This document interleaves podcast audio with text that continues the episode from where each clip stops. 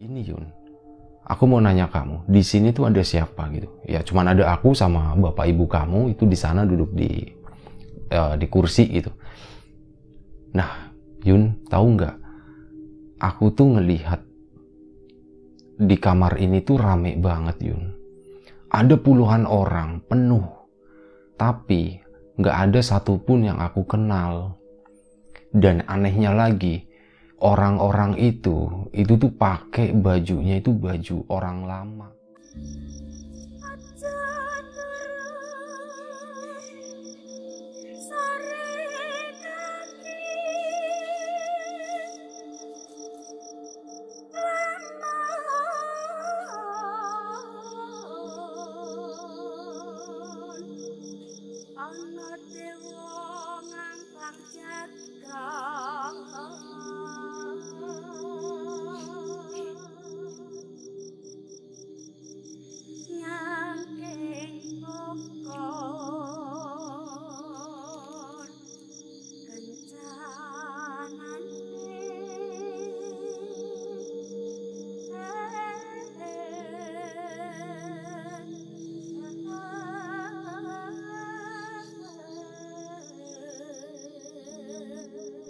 Ini adalah cerita ke-218 di Lapak Horor. Dan kali ini masih mengangkat uh, cerita dari kawan subscriber. Dan kali ini adalah cerita kiriman dari Mbak Yuanita atau Mbak Yuyun. Atau mungkin dalam cerita ini gue akan nyebutnya pakai nama Yuyun aja. Sebuah cerita tentang pengalaman yang dialami sama Yuyun waktu masih kuliah Terima kasih buat kawan-kawan yang udah ngirimin ceritanya ke lapak horor tapi belum dibaca, mohon bersabar. Ya, kemungkinan ini beberapa hari ke depan atau beberapa waktu ke depan lapak horor akan didominasi oleh cerita-cerita kiriman dari kawan-kawan semuanya. Terima kasih banyak buat kawan-kawan yang udah ngasih support, udah ngasih dukungan. Terima kasih buat kawan-kawan subscriber semuanya. Terima kasih buat kawan-kawan yang udah ngasih like, udah nge-share ceritanya lapak horror ke yang lainnya juga. Dan gak lupa juga, terima kasih banyak buat kawan-kawan yang udah ninggalin komentar. Terima kasih banyak semuanya. Nah, balik lagi ke cerita Yuyun tadi. Sewaktu masih kuliah, jadi waktu itu Yuyun itu KKN ceritanya. Dan selama di KKN itu dia kenal ada salah satu teman deketnya. Kejadiannya itu tahun 2010 ya. 2010 ya 10 tahun silam. Eh 10 ya 10 11 tahun lah. Nah di situ tuh ada temen deketnya namanya Ririn. Jadi mereka tuh sering ngobrol ya.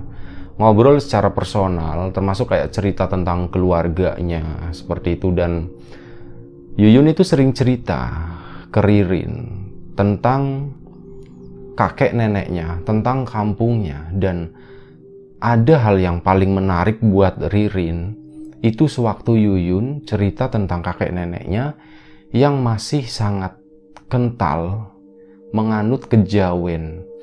Dan hal itu tuh sering banget ditanyain sama Ririn ya. Yun, uh, gimana kabar kakek nenek gitu. Terus ya ceritain apa aja kegiatannya, seperti itulah. Dan Yuyun ya, dia ceritain apa yang Yuyun tahu gitu ya.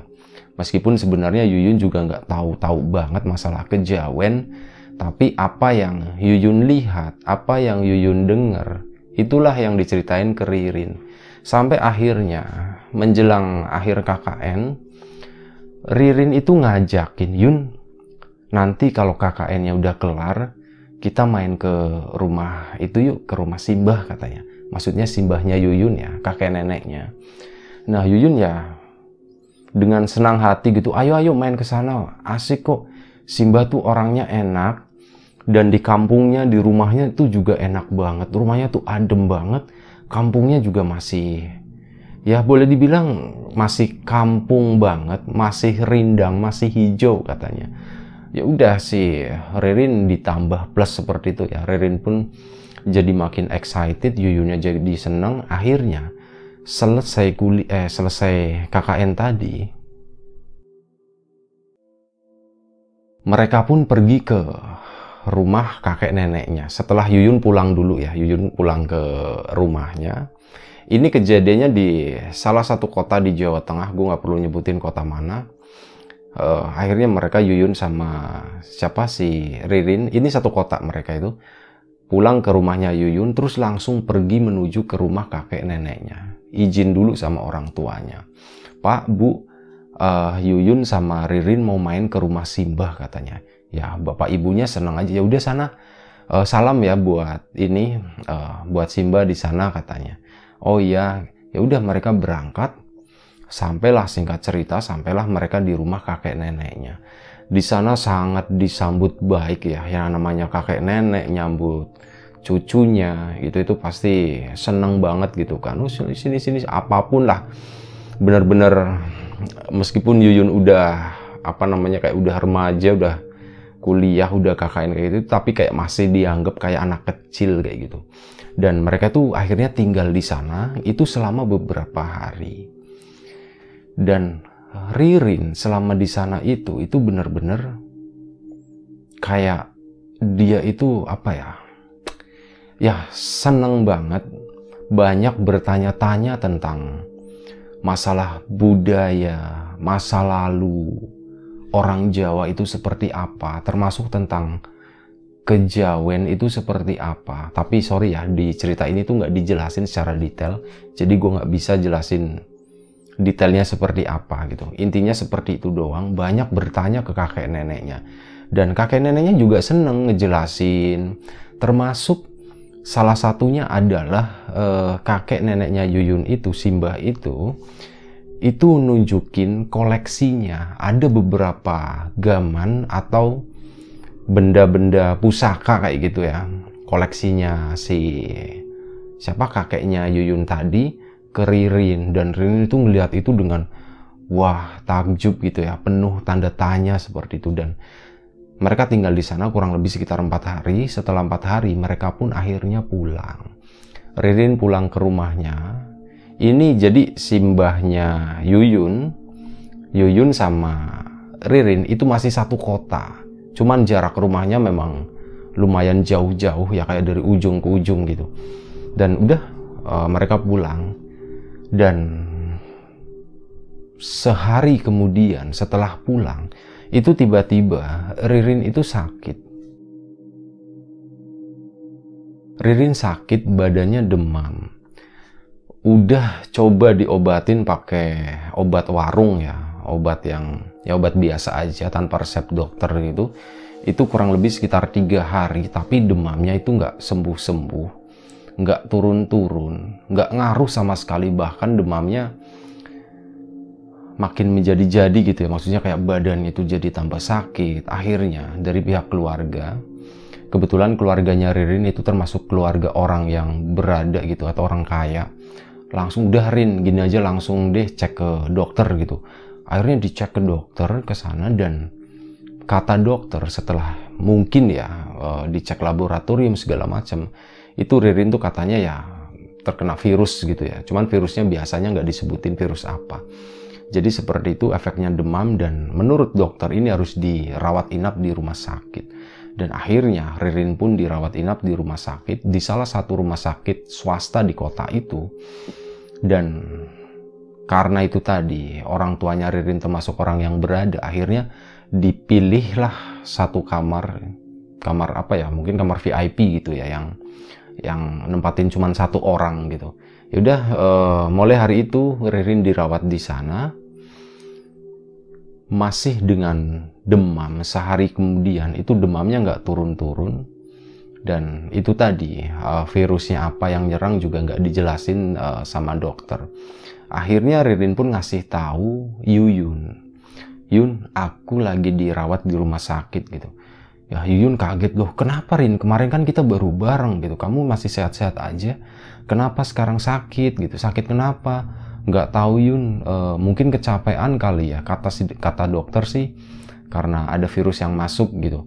Dan ya sekarang aku lagi dirawat di rumah sakit karena ya demam-demam kayak gini kayaknya nggak udah berapa hari gitu nggak sembuh sembuh akhirnya ya udah sampailah aku di sini di rumah sakit gitu ya udah nanti aku ke sana deh uh, kata Yuyun waktu itu akhirnya Yuyun pun coba nengokin Ririn ke rumah sakit. Waktu itu uh, ditengokinnya pagi ya jam 9 pagi. Yuyun ke sana nengokin. Dan di sana ada Ririn sama orang tuanya nungguin. Waktu di sana ngobrol-ngobrol langsung. Rin kamu kenapa sih Rin? Kenapa bisa sampai sakit kayak gini? Apa karena kecapean? Diulang lagi obrolan yang ditelepon tadi ya. Karena kecapean nggak tahu Yun kata dokter sih virus gitu cuma ya, Ririn cuma seperti itu doang dan mereka tuh ngobrol cukup lama sampai akhirnya Ririn itu menceritakan satu hal yang bikin Yuyun cukup kaget waktu itu. Yun, aku mau jujur ya, aku mau cerita, tapi kamu jangan takut, kamu jangan kaget. Si Yuyun udah dibuka dengan intro seperti itu, Yuyun juga mikir, wah, ini ada cerita apaan nih, jangan bikin takut dong gitu. Enggak, enggak apa-apa kok. Aku cuma mau cerita aja. Soalnya aku nggak berani cerita ke bapak ibu. Takutnya mereka ketakutan gitu. Terus si Yuyun ya udah ya udah cerita cerita dia cerita apa sih? Gitu. Kamu ngeliat setan gitu. Oh, enggak enggak enggak. Ini Yun aku mau nanya kamu di sini tuh ada siapa? Gitu. Ya cuman ada aku sama bapak ibu kamu itu di sana duduk di uh, di kursi gitu nah Yun tahu nggak aku tuh ngelihat di kamar ini tuh rame banget Yun. Ada puluhan orang penuh, tapi nggak ada satupun yang aku kenal. Dan anehnya lagi, orang-orang itu itu tuh pakai bajunya itu baju orang lama, bukan dari kayak kita sekarang. Aku nggak tahu nama bajunya apa, tapi seperti itu, kayak yang aku lihat di film-film dulu ya, film-film pendekar. Itu bajunya baju-baju kayak rakyat biasa. Dan ini di sini tuh penuh dengan orang-orang seperti itu. Yuyun ngedenger kayak gitu tuh langsung dia langsung celingukan gitu ya. Beneran Rin. Jangan bohong ah jangan ngarang-ngarang gitu. Jangan aku nakutin aku katanya. Beneran Yun aku nggak bohong Yun. Ini aku rasain itu sebenarnya udah dari rumah ya dari aku sakit Aku juga nggak tahu kenapa. Ya mungkin kamu nggak bisa lihat, cuman aku ngeliat Yun. Aku ngeliat semuanya ini banyak banget gitu. Oh ya udah deh. Yuyun udah mulai ketakutan di situ. Udah udah udah Rin gak usah bahas itu lagi, bahas yang lain aja. Oh ya udah oke okay, oke okay, oke. Okay. Akhirnya mereka lanjutin ngobrol dan uh, setelah beberapa saat akhirnya Yuyun pun pamitan pulang. Nah setelah Yuyun pulang, Yuyun itu cerita ke bapak ibunya, Bu, Ririn kan lagi sakit dan dia itu cerita katanya di kamarnya itu. Padahal waktu itu cuma aku sama uh, orang tuanya doang. Tapi kata Ririn di sana itu penuh sama orang. Orang-orang lama orang-orang dulu katanya. Bapak-bapak ibunya jadi wah yang bener Yun gitu. Iya katanya seperti itu. Dan akhirnya malam harinya jadi gini apa yang Ririn lihat itu, itu adalah yaitu tadi. Saat ada yang ngejenguk gitu ya, Ririn nggak fokus ke orang yang ngejenguk itu, tapi fokusnya ke orang-orang yang nggak Ririn kenal. Mereka itu kayak pada berdiri di situ tuh berjam-jam. Itu kayak bener-bener nungguin Ririn sambil mereka tuh berbisik-bisik katanya tapi apa yang mereka omongin itu Ririn nggak ngedenger sama sekali. Jadi ya cuman itu doang Ririn cuman ngeliatin doang muka-mukanya seperti itu. Dan malam harinya sorry malam harinya Ririn itu ditel eh si Yuyun itu ditelepon lagi sama Ririn. Yun aku mau cerita tentang sesuatu sesuatu yang belum aku ceritain ke kamu kamu bisa nggak main ke sini, ke sini lagi nengokin aku katanya. Ini penting banget, Yun. Aku udah nggak kuat kayaknya. Di sini tuh rame banget dengan orang-orang yang nggak aku kenal. Tolong ya, Yun. Kayak gitu. Waktu itu tuh masih selepas maghrib ya, dan akhirnya malam itu sebelum jam besuk ditutup gitu kan, akhirnya Yuyun buru-buru diantar sama bapak ibunya itu kembali nengokin uh, Ririn sampailah uh, Yuyun di sana dan di situ Ririn itu langsung Yun aku mau minta maaf katanya kenapa Rin aku itu udah berbuat salah aku juga mau minta maaf sama Simba. Ada sesuatu hal yang buruk yang aku lakuin yang intinya apa ya? Yang udah aku lakuin ke mereka. Katanya seperti itu. Yuyun nanya lagi, kenapa? Ada apa gitu. Kamu yang jelas dong, jangan kayak gitu. Yuyun tuh udah mikir, wah ini jangan-jangan anak ini ngigo atau apa karena pengaruh demam ya. Jadi gini, Yun. Aku waktu di rumah Simba sana, aku emang benar-benar tertarik dengan cerita Simba. Dengan kejawen, dengan budaya Jawa seperti itu, aku sangat tertarik banget dan aku benar-benar hilaf. Aku melakukan satu kesalahan. Aku itu mengambil sesuatu yang bukan hakku. Aku mengambil sesuatu milik Simba katanya. Yang bener kamu Rin, jangan main-main ah kayak gitu. Iya beneran katanya. Aku mengambil sesuatu itu. Apa? Nanya tanya si Yuyun gitu. Apa Rin? Gitu. Aku itu ngambil ada sebuah tombak itu yang dibungkus pakai kain hitam. Itu itu adalah punya Simbah yang aku diem-diem aku masuk ke kamarnya dan itu kok aku ambil. Dan aku ngerasanya semenjak aku ngambil barang itu semenjak aku melakukan kesalahan itu ini orang-orang ini itu kayaknya ngikutin dan aku jadi sakit katanya. Kata Ririn seperti itu. Sorry ya uh, eh, gue masih batuk uh, dan akhirnya uh, Yuyun pun wah terus enaknya gimana Rin? Kamu mending minta maaf langsung aja sama Simba katanya. Wah iya aku sebenarnya juga pengen nih kalau aku udah sembuh aku rencananya mau minta maaf sama Simba ya udah akhirnya ya udah gini aja deh Yun eh Rin besok besok pagi ini malam ini aku temenin kamu di sini gitu. Wah terima kasih banget Yun. Emang dari tadi aku juga mau minta kamu nemenin aku di sini. Aku nggak berani sendirian. Dan ya aku bisa berani cerita seperti ini juga ke kamu doang katanya seperti itu. Ya udah akhirnya si Yuyun bilang ke orang tuanya Pak Bu aku mau nemenin Ririn di sini malam ini katanya. Oh ya udah. Bapak ibunya Yuyun pulang. Yuyun tetap di situ dan lanjutin ceritanya ya. Dan waktu itu Yuyun itu bilang aku besok coba deh ke rumah Simbah nanti aku jelasin apa yang udah kamu lakuin apa yang udah kamu perbuat. Esok paginya pagi-pagi bener-bener pagi itu Yuyun langsung pergi ke rumah simbahnya. Di sana langsung ngomong bah e, minta maaf.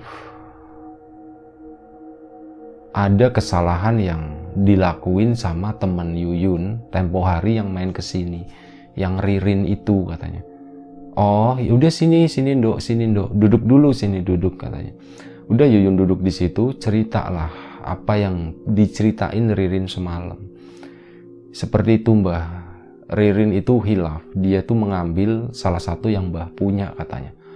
Oh, kakeknya yang ngejawab ya. Oh, kalau itu ya Mbah juga tahu.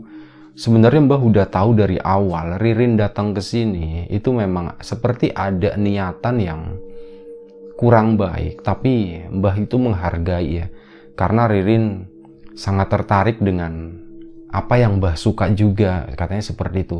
Tapi ya udah Mbah itu nggak apa-apa. Mbah itu ikhlas katanya. Mungkin ada yang belum ikhlas. Bukan Mbah tapi yang lain gitu yang nggak kelihatan katanya. Seperti itu. Ya udah gini aja deh uh, tunggu sebentar ya. Mbah beberes dulu.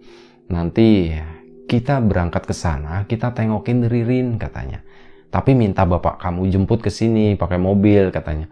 Ya udah akhirnya si Yuyun cerita, eh nelpon bapaknya Pak, nanti minta tolong uh, jemput Simbah sama Yuyun mau nengokin Ririn ke rumah sakit. Wah emang ada apa? Kenapa ada Simbah segala? Bapaknya mulai mulai kepo ya bertanya-tanya gitu. Udah nanti aja lah Pak dijelasinnya biar Simbah aja yang jelasin gitu.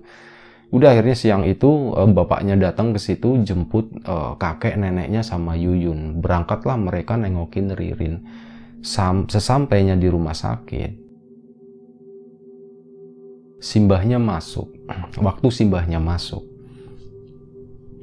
Ririn itu langsung, Mbah uh, ngapunten, Mbah maaf Mbah, Ririn udah berbuat kesalahan, banyak kesalahan yang Ririn lakuin termasuk kesalahan fatal ini Ririn nggak uh, Ririn hilaf ngambil sesuatu yang Mbah punya, ngambil gamannya Mbah katanya. Oh ya udah, nak Ririn ndak apa-apa, Nduk katanya. Mbah itu sebenarnya udah ikhlas, tapi mungkin ada yang nggak ikhlas, yang nggak kelihatan, yang ada di sini kata simbahnya tuh kayak gitu. Wah, Ririn, Ririn di situ kaget kan. Jadi Mbah ngeliat juga katanya, iya Mbah ngeliat juga. Ini mereka biasanya di rumahnya Mbah. Cuman mungkin karena ada yang dibawa jadi mereka ikutan ke sini katanya. Waduh, di situ ya udah mbah uh, Ririn minta maaf uh, apa namanya udah berbuat salah. Kayak gitu minta maaf terus minta maaf terus. Simbahnya pun bilang udah nggak apa-apa udah nggak apa-apa. Mbak udah ikhlasin katanya seperti itu. Ya udah akhirnya uh, setelah itu mbaknya pun pulang. Saat pulang orang-orang sosok-sosok yang nggak kelihatan yang di situ yang berada di ruangan itu itu pada keluar satu persatu. Itu ngikutin mbahnya Yuyun. Tapi sebelum mereka keluar, itu satu persatu mereka itu ngedatangin Ririn yang lagi berbaring di situ ya. Dan dia, mereka itu satu persatu ngelus kepalanya gitu. Sek, terus keluar. Satu lagi dielus lagi, keluar. Dielus lagi, keluar. Sampai yang terakhir itu adalah sosok perempuan dengan pakai baju nya itu mirip kayak seorang ratu zaman dulu katanya. Katanya seperti itu ya, bentuk detailnya seperti apa nggak dijelasin. Cuman itu adalah sosok ratu, katanya seperti itu. Dan terakhir dilus begini, dia mengucapkan sesuatu tapi Ririn nggak bisa denger. Udah setelah itu si sosok itu keluar dari rumah sakit, dari kamar itu. Bes, nah anehnya sore harinya Ririn yang tadinya demamnya itu masih panas, itu mendadak turun langsung adem badannya. Dan katanya Ririn tuh badannya udah bener-bener enakan udah seger lagi sampai dokter yang check up sore itu itu bilang ini kalau besok sampai besok pagi kondisinya stabil seperti ini Ririn boleh pulang katanya. Seperti itu dan bener aja keesokan harinya Ririn itu udah kondisinya udah stabil udah adem udah sembuh gitu Akhirnya Ririn pun pulang. Nah begitu pulang, Ririn sampai rumah buru-buru ngambil sesuatu itu ya. Nah waktu itu kondisinya bapaknya bapak ibunya Ririn itu udah tahu kejadian ini bapak ibunya Yuyun juga udah tahu jadi uh, di lingkaran itu orang-orangnya udah tahu ya kesalahan Ririn itu apa Begitu sampai rumah, langsung diambil itu benda. Jadi bendanya nggak dibawa ke rumah sakit, tapi ditinggal di rumah, di tas di sana. Itu benda itu diambil, minta tolong sama bapak ibunya, Pak, Bu, tolong anterin ke rumah simbahnya. Yuyun gitu. Dan waktu itu Ririn langsung ngontek Yuyun, Yun, kita bisa ketemuan langsung di rumahnya Simbah nggak katanya. Oh oke, okay, oke okay, Rin, aku langsung ke sana, langsung meluncur ke sana. Udah mereka ke sana, ketemulah mereka di sana. Dan di sana langsung ketemu sama Mbak Simbahnya Yuyun dan Mbah. Sekali lagi saya minta maaf uh, Ririn ke sini itu mau ngembaliin benda atau barang yang udah Ririn ambil katanya. Seperti itu dan oh iya. Akhirnya diambil sama Simbahnya uh, nak Ririn sebenarnya gini kalau uh, kamu pengen benda ini itu Simbah bisa ngasih ke kamu. Kamu pengen nggak? Iya mbah. Ririn itu pengen banget punya itu katanya. Ya udah ini barang ini benda ini ini simbah kasih ke Ririn. Nah di situ terjadi serah terima. Dan semenjak serah terima itu jadi begini. Waktu Ririn masuk ke rumah itu di belakang simbahnya Yuyun itu ada sosok-sosok yang pernah Ririn lihat.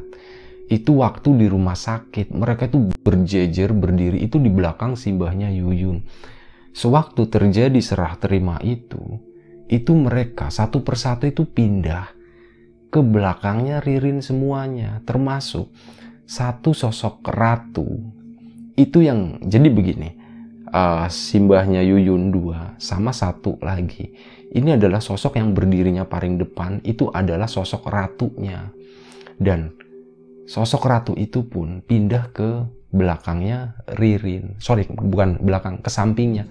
Sementara sosok yang banyak itu pindah ke belakangnya Ririn. Nah di situ simbahnya itu ngejelasin, ini nanti siapa pun yang uh, mendampingi benda ini itu akan pindah ke kamu katanya.